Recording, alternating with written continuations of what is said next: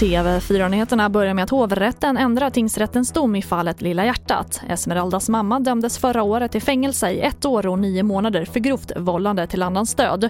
Domen överklagades och idag föll hovrättens dom. Mamman döms till fängelse i åtta år för dråp.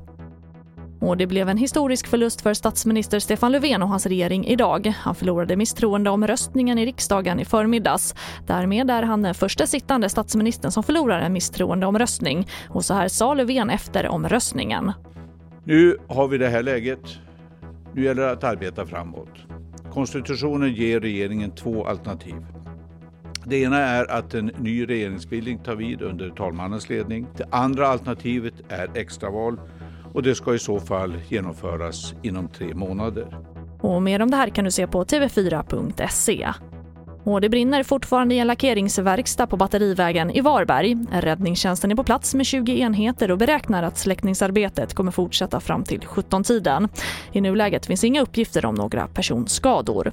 TV4-nyheterna, jag heter Charlotte Hemgren.